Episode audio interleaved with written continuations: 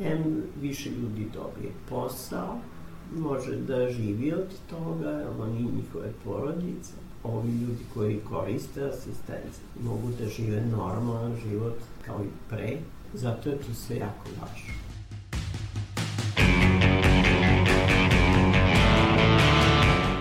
Epizodi smo krenule sa idejom da istražimo položaj personalnih asistenata. Međutim, radeći na njoj istražujući, shvatili smo da ne možemo zasebno da posmatramo na izgled dve priče, a to je položaj personalnih asistenata i kvalitet života osoba kojima je asistencija potrebna. Zdravo, ja sam Sanja Đorđević i vodim vas kroz ovu epizodu umesto Ive Gajić, koja je na odmoru. Slušaš podcast Reaguj na kome su radile Sanja Kosović, Irena Čučković i Aleksandra Bučko. Ne zaboravi da čekamo tvoje utiske o epizodi, iskustvo ili predloge tema, a možeš nam ih poslati na našim socijalnim mrežama ili novinarkama iz ekipe podcasta Reaguj. Odmah na početku prenećemo vam reči koje nam je napisala Mima Ružić-Nolković, a u vezi sa personalnom asistencijom.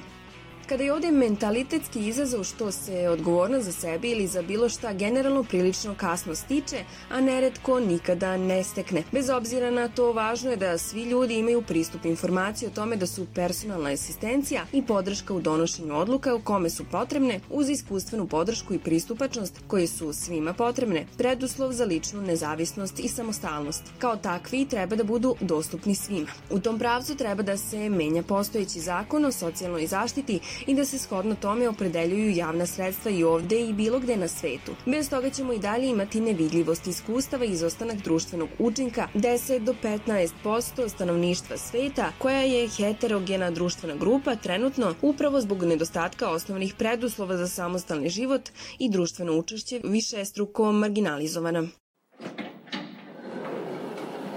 Obično kad uh, dođemo na posao, uh, kažemo dobro jutro Ljuljo, šta ćemo danas, kako ćemo, vidimo sve u redu. Prosto komuniciramo u toku, ne znam, dok ja se pripremam za rad, ne znam, presvučem se ili tako nešto, upišem se i tako dalje. Ove, ovaj, baku pitamo, pripomognu šta treba, treba nešto. I uglavnom u svemu se dogovaramo.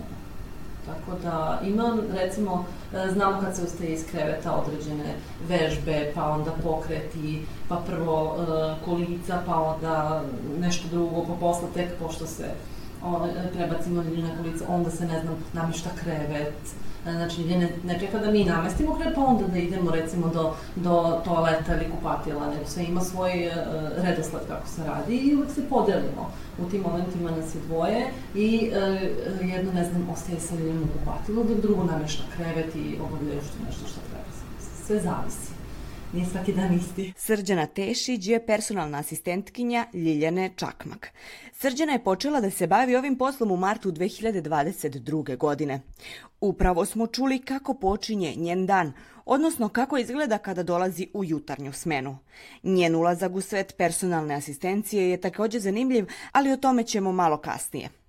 Upoznajmo sada Ljiljanu Čakmak. Kako mi je objasnila, ona je 1979. godine izgubila osjećaj u nogama i rukama. Moj život e, je nezamisliv bez asistencije i to celodnevne asistencije s obzirom na stepen oštećenja.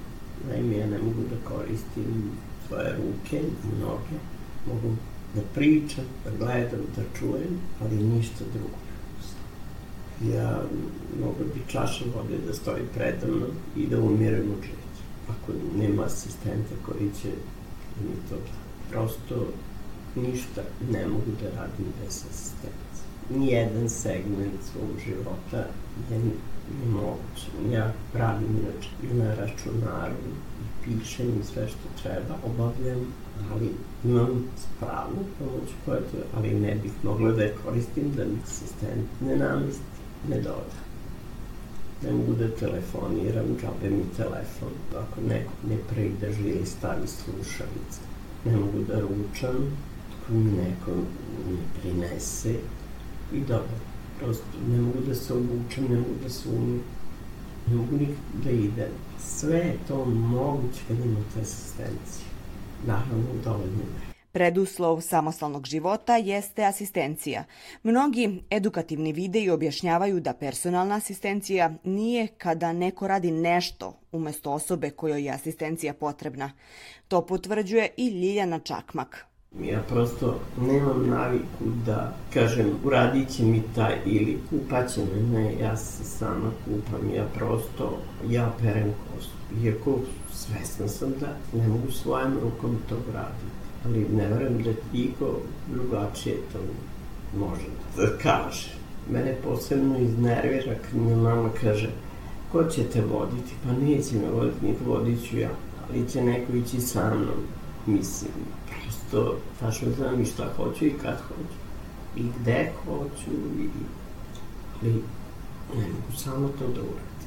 Osoba dobro zna šta želi i kako želi. Samo joj je potrebna pomoć da to i ostvari. Mima Ružičić-Novković ispred centra Živeti uspravno objašnjava kako jedan deo javnosti širom sveta smatra da je za državu jeftinije da osobe kojima je potrebna asistencija više asistenata budu smešteni u dom, umesto da se javnim sredstvima zapošljava potreban broj asistenata ili asistentkinja. Ružičić-Novković podvlači da je činjenica da će deo stanovništva imati trajno oštećenje ili smanjenja sposobnosti koje podrazumevaju celodnevnu asistenciju ili podršku u donošenju odluka, učenje znakovnog jezika ili prevođenje sa i na njega. Da li će društvo ili država ovu okolnost percipirati kao finansijsko opterećenje, što je osnovni razlog smeštanja ljudi u domove za trajni smeštaj, ili kao ljudskom iskustvu koje, kao i sva druga, doprinosi izgradnji društva koje računa na svakog svog člana ili članicu, zavisi od toga kako se prema bilo kom iskustvu postavimo. Ona govori o preduslovu samostalnog života. Asistencija prosto mora da postoji kao preduslov samostalnog života osobama kojima je ona potrebna. Znači nama koji bez nje ne možemo da ustanemo ujutru iz kreveta i da uveče legnemo u njega i sve između što je potrebno da uradimo. Ona bi trebalo i u Norveškoj jedino to jeste tako definisano da bude potencijalno pravo svake osobe. Da prosto znaš da u bilo kom trenutku privremeno ili trajno ukoliko se nešto dogodi od pre preloma noge do stalnog, ne znam, korištenja kolica ili bilo kog oštećenja, da postoji mogućnost da se osoba obrati nadležnoj službe u centru za socijalni rad zahtevom i da na osnovu procene potrebe za podrškom treba dobije onaj nivo asistencije, ne znam, od 4 do 24 sata sa brojem pružalaca koji je potreban. Ružić Novaković rekla je kako se asistencija pruža u manje od 30 opština. Kako bi razumeli kom broju ljudi asistencija zapravo nije dostupna, važno je objasniti da u Srbiji trenutno ima 145 opština. Inače, Novi Sad je jedini koji ima mogućnost asistencije po potrebi, dok u ostalim gradovima i opštinama postoji samo minimalna asistencija koja iznosi 8 sati. E, Ljiljana Čakmak nam je objasnila da je pristupačnost asistenciji u Novom Sadu mnogo bolje čak i u odnosu na pojedine države u Evropi, a sigurno u okolnim zemljama. Oko 300 ljudi u Srbiji koristi asistenciju. Petoro ima celodnevnu asistenciju, od kojih je troje u Novom Sadu, odnosno u centru Uživeti uspravno. Razgovor sa Ljiljanom Čakmak ukazao mi je na to koliko pojedinim pokretima i delima u svakodnevnom životu ne razmišljamo. Prosto dese se mahinalno. Tako i treba da bude, kaže Čakmak i dodaje da ona mahinalne pokrete ne može da uradi. Recimo, moja sestra je sedela sa mnom i tu bilo prijateljstvo. Mi smo nešto pričali, šalili se. I moju sestru da svrbi iza uveta. I ja kažem, e, ajmi mene počeši na istom mestu. Kažem, pre se nisam češao. Kaže, jesi, jesi. Nije moglo da povere. Mislim, u milion stvari čovjek ni ne razmišlja.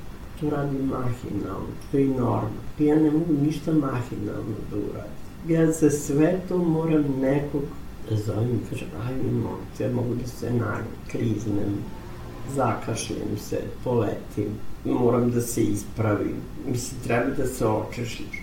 Treba da ustanem, da pređem sa kolica na krevet ili ulica. To ne može jedna osoba, to je jedino da je oktop. Pa da ima nekoliko ruku, pa da može sve. Prosto je nezamislivo. Srđana Tešić je nova u ovom poslu. Određene stvari je naučila, ali još uvek uči. Ljeljana Čakmak kaže da je to odlično. Nisam nija bila svesna šta je tačno asistencija. Znam da je pomoć nekoj osobi, samo nisam tačno znala šta. Evo jedna kad sam došla sa Liljom, isto mi je rekla, uvela me u asistenciju, ispričala mi je istoriju i sve. Ja sam rekla, dobro, ćemo pokušamo, pokušat ćemo. Uh, i, uh, ali tu je bilo, uh, ja i dalje nisam znala šta Kaže, je to. nemam iskustva, rekao, odlično.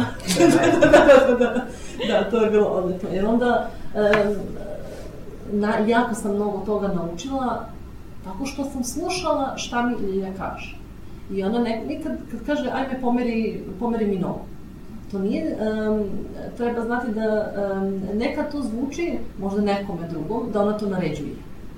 Ali, pošto je jako tanka, tanka granica između kao šta je naredba i kad neko zamoli. Mm. E sada, ja sam sa Liljom e, naučila da e, zašto da pomerim nogu, da meni objasni, zna, e, znaš zašto? Zato što ako mi pomeriš ovde, ja ću recimo pasti na ovu stranu. A ako me moraš mi namestiti tako, zato što ovaj, nemoj samo na svoju ruku, samo ako ti ja kažem. Jer ako ja namestim, ona kaže, ne, ne, ne, ja sad, sad ću pasti na ovu stranu. Ili ne, ne, ne, ja sad ću ispašći, e, skliznuće će mi ruka. Ili tako nešto. Njoj je, meni se čini da ona sedi udobno. I onda dođu, ne, nešto ste mi ukrivo sedite i pomeri mi. Kaže, jao, nemoj, ne, ne, ne, baš mi odgovara tako da, da stavite, Hmm. recimo. A to ništa o tome nisam znala. Od samog početka ovog izdanja podcasta mogli smo da čujemo da posao asistenta nije lak i da je i više nego odgovoran. Zato nas je zanimalo koje su kvalifikacije potrebne. Srđana je nova, a na ovaj posao stigla je iz trgovine. Ja lično sam mislila da je mnogo kvalifikacije bilo potrebno za personalnog asistenta. E, Ja sam u suštini uvek radila u trgovini kao kasir, kao ne znam, na delikatesu ili spremačica ili tako nešto. Nikad nisam imala dodira sa zdravstvenom negom ili nešto s- e, To je daleko. Da, da, slično tome. Ne znam, ja sam to tako doživljavala, kao Mhm. zdravstvena nega sad. Ove, I onda sam uh, menjala posao i videla sam u, među oglasima ove, da im traže personalnog asistenta. Nije bilo navedeno da je potrebno iskustvo.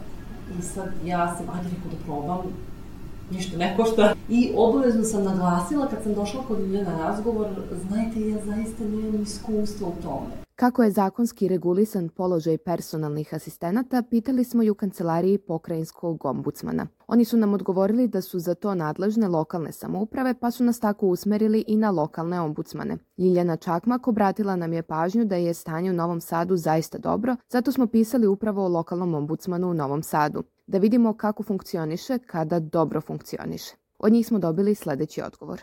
Zakon o socijalnoj zaštiti u članu 45 regulisao je pitanje usluge podrške za samostalan život. Naime, iz kancelarije ombudsmana navode da prema zakonu usluge podrške za samostalan život pružaju se pojedincu da bi se njegove mogućnosti za zadovoljenje osnovnih potreba izjednačile sa mogućnostima ostalih članova društva, da bi mu se poboljšao kvalitet života i da bi mogao da vodi aktivan i samostalan život u društvu.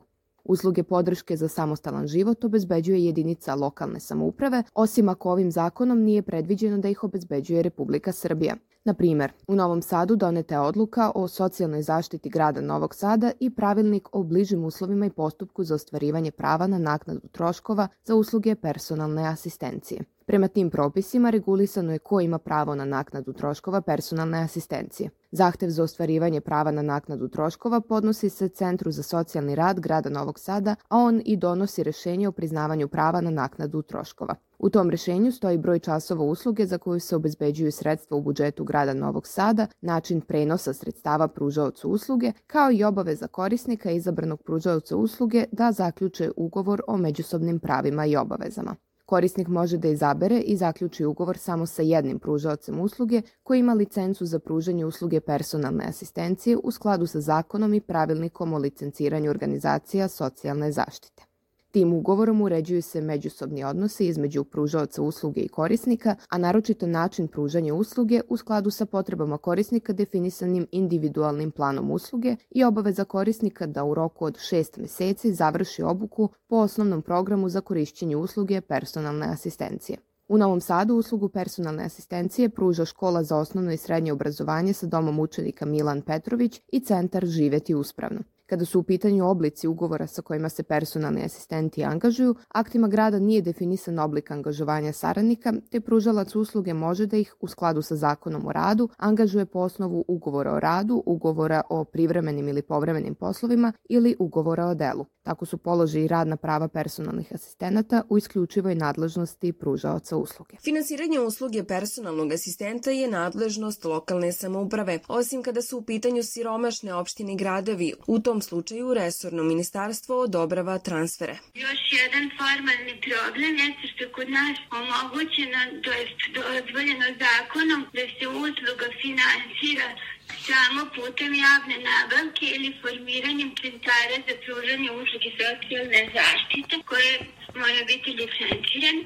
Znači, time znači, grad ili opština se opredeljuje za jedan centar ili za jednog pružača. Nema mogućnosti da korisnici učestvuju u odlučivanju o tome ko će im pružati uslugu, pa se onda na terenu dešava da bi se povećale plate koordinatoru, stručnom radniku ili sama organizacija koja pruža, to je firma.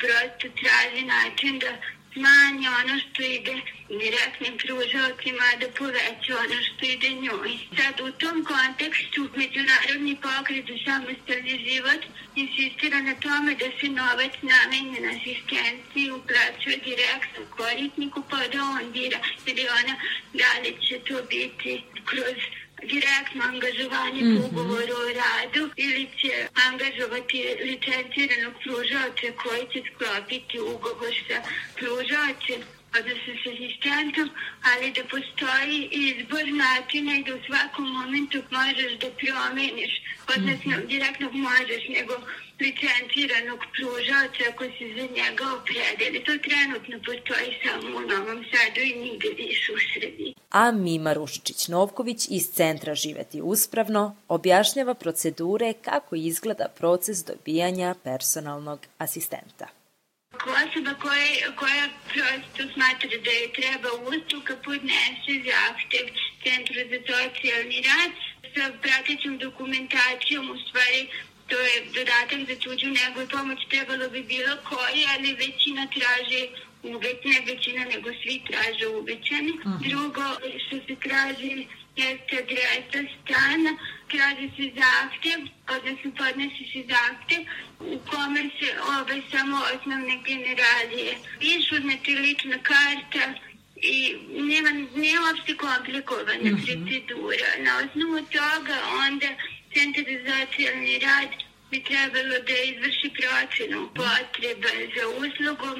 Postoji jedan inicijalni upitnik koji i oni imaju, pa ga ove, u suštini na licu mesta popune dolaskom u kutu od korisnika mm -hmm. ili tako što korisnik ode u centar za socijalni rad i na osnovu toga donesu odluku i sad u većini sistem u Novom Sadu mm. osobe imaju pravo na 20 do 40 sati. U Novom Sadu imaju imamo svi pravo na do 40 tim ukoliko se poveća nivo obaveza radnih ili bilo kojih drugih ili dođe do oboljevanja same osobe ili njenih ukućena, odnosno članova domaćinstva, mm -hmm. onda se to može uvećati za 30%, odnosno do do 100% u zavisnosti od toga koliko se proceni da je potrebno. Mm. Procenu vrši stručni radnik ili radnica organizacije koja pruža podršku mm i na osnovu toga Centar za socijalni rad odobrava to uvećanje. Isto važi i za one koji imaju 24 sata u Novom Sadu s tim što one moraju ili da žive sami ili da žive sa članom domaćinstva koji je teško obole, odnosno takođe osoba s invaliditetom ili ima više od 70 godina. To su kriterijumi za novi Ministarstvo socijalne politike u definisanju kriterijuma za licenciranje navelo je da koordinator usluge koja se licencira treba da bude stručni radnik ili radnica sa licencom. To za ovu uslugu nije relevantan kriterijum jer je to samo zastupničko-korisnička usluga koju su osmislili korisnici koja postoji zbog onih kojima je ona potrebna. Naime, najava da se izmenom pravilnika o licenciranju usluga socijalne zaštite predviđa da uslugama rečima koordinatora stručni radnik za uslugu personalne asistencije štetno je rešenje jer je to samo zastupnička usluga koju su osmislili i tamo gde postoji inicirale osobe kojima je ona potrebna. Za samostalni život uz asistenciju mnogo je važnija podrška ljudi koji imaju iskustvo korišćenja asistencije nego stručni radnik ili radnica. Ovo je preporuka koja je sada aktuelna, a na koju nam je skrenula pažnju Mima Rušičić-Novković. Međutim, ona nije usvojena zvanično. To je važno da napomenemo. Kontakt komunikacije između asistenata i korisnika je na posebna životna iskustva iz koga obe strane dobijaju. To uopšte nije lak posao jer osoba koja asistira zapravo na neki način uživeće u svom životu, učestvuje u životu osobe koja asistira. I ne može ga se raditi celog života, ni ne treba.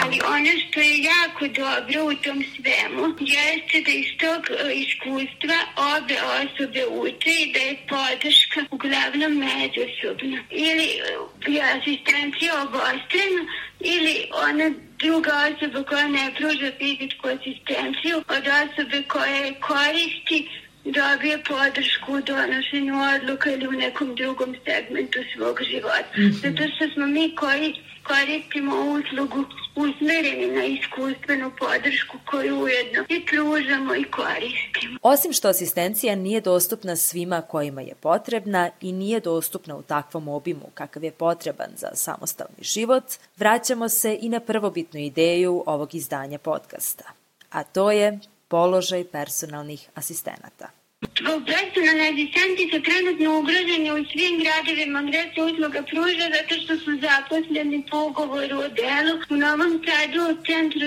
živeti uspravno zaposleni su po ugovoru o radu, mm. ali grad ne finansira troškove bolovanja godišnjeg odmora i putne troškove, pa to, za to obezbeđujemo novac donacijama i vezi s tim smo sad po šesti put od novembra 2021. uputili gradskoj upravi zahtev na osnovu mišljenja ministarstva da se mora poštovati zakon o radu.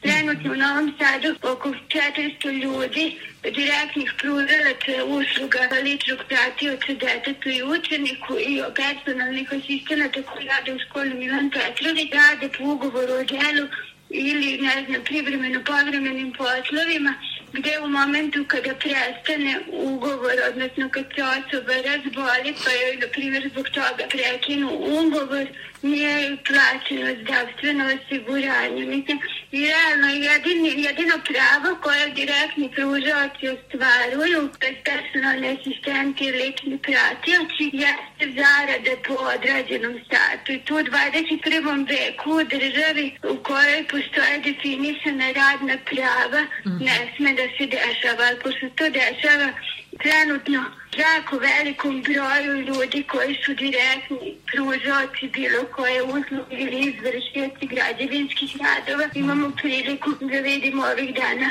poslodavci. U ovom slučaju to su organizacije licencirane, ali novac je javni koji se obezbeđuje za njihov rad. Znači gradovi tolerišu robovsku prostu poziciju direktnih pružalaca jer im to pravi uštedu u budžetu. Mima Ružić-Noković iz Centra Živeti uspravno objasnila je da je u Novom Sadu ima oko 400 ljudi, direktnih pružalaca usluga, ličnog pratioca deteta i učenika i personalnih asistenata. Ljiljani Čakmak za samostalni život potrebna je celodnevna asistencija koja podrazumeva da ona ima pet asistenata sa punim radnim vremenom i jednog koji nije na puno radno vreme.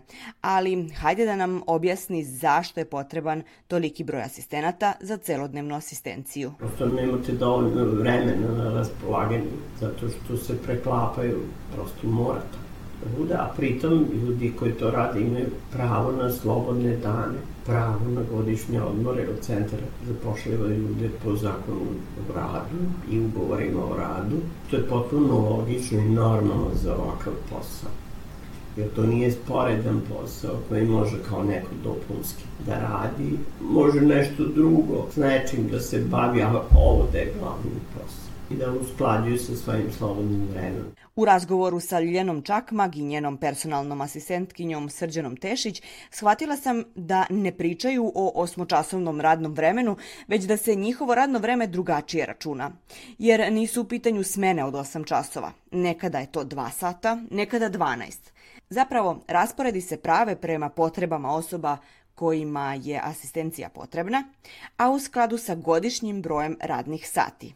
Država ima svoje praznike koje se radi i radi. U odnosu na kalendar izračuna se broj radnih dana u godini. Ove godine je to Republika izračunala da je 2080.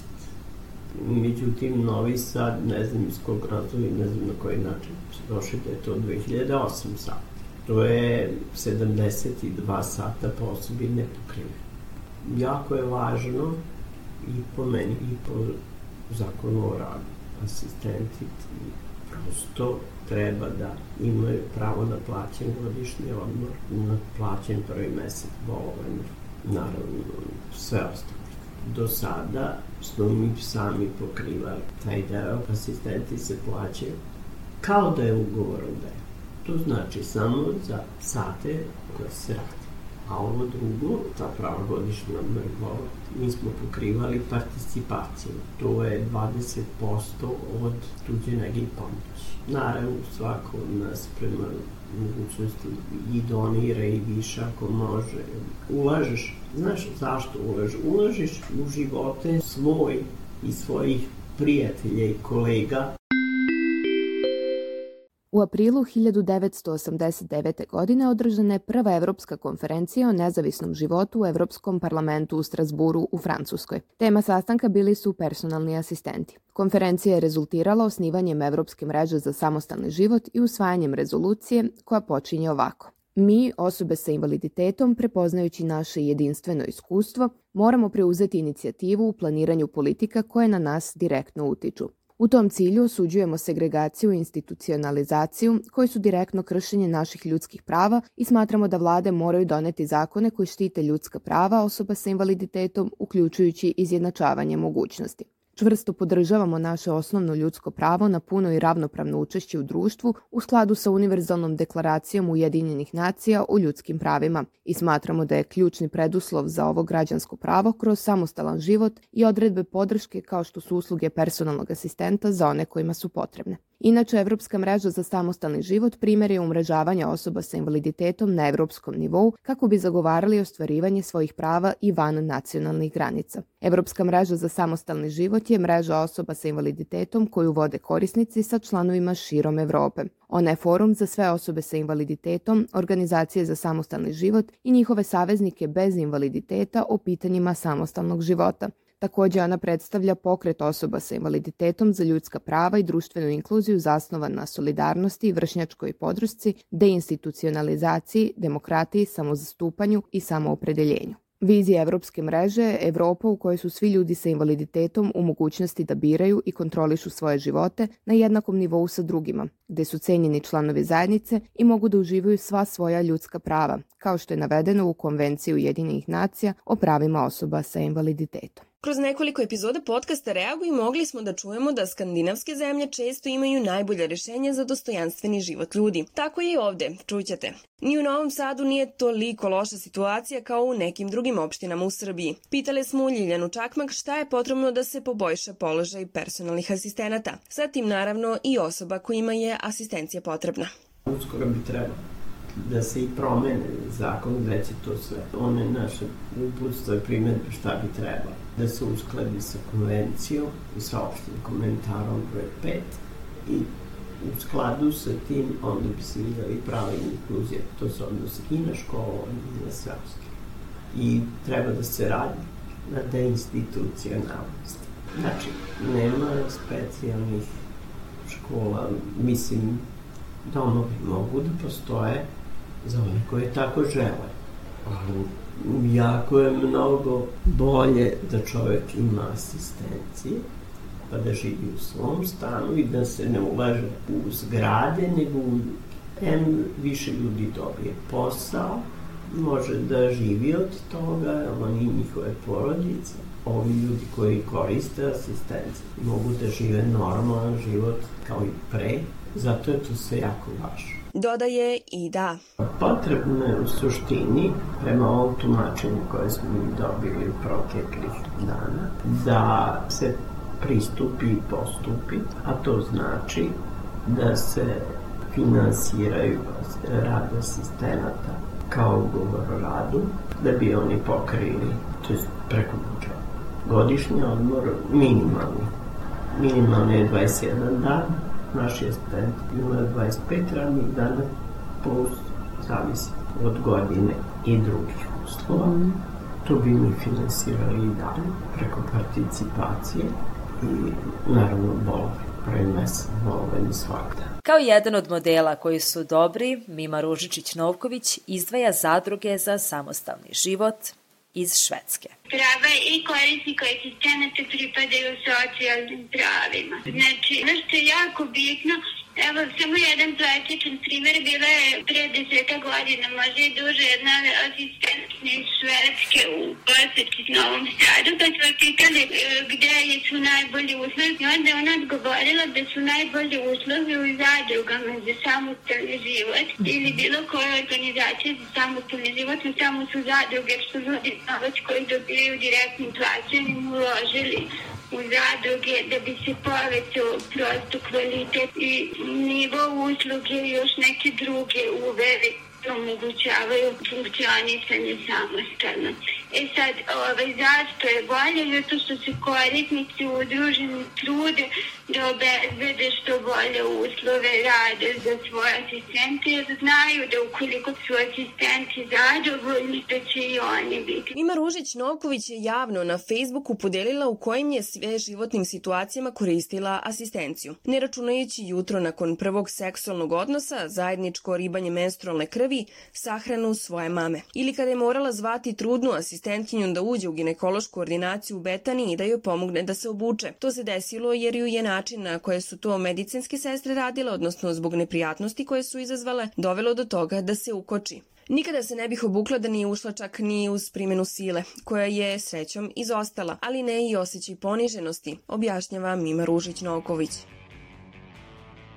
Hvala ti što si slušao i slušala ovu epizodu podcasta Reagu i nezavisnog društva novinara Vojvodine. Ja sam Sanja Đorđević, a važna informacija iz ovog izdanja podcasta jesu reči Mime Ružić-Novković. Suština ove usluge jeste da omogućava dostojanstvo u svakom trenutku. Ono je preduslov samostalnog života, a preduslovi za njega su pravo na izbor, mogućnost odlučivanja o vlastitom životu, preuzimanje odgovornosti za vlastiti izbor, odluke i život u celini, kontrola nad vlastitim životom i pravo na grešku. Budi uz nas i nadalje i prati naš rad. Podrži nas za početak tako što ćeš aktivno biti uključen i uključena u našu zajednicu na socijalnim mrežama, na Facebook i Instagram stranici, Facebook grupi ili na TikToku.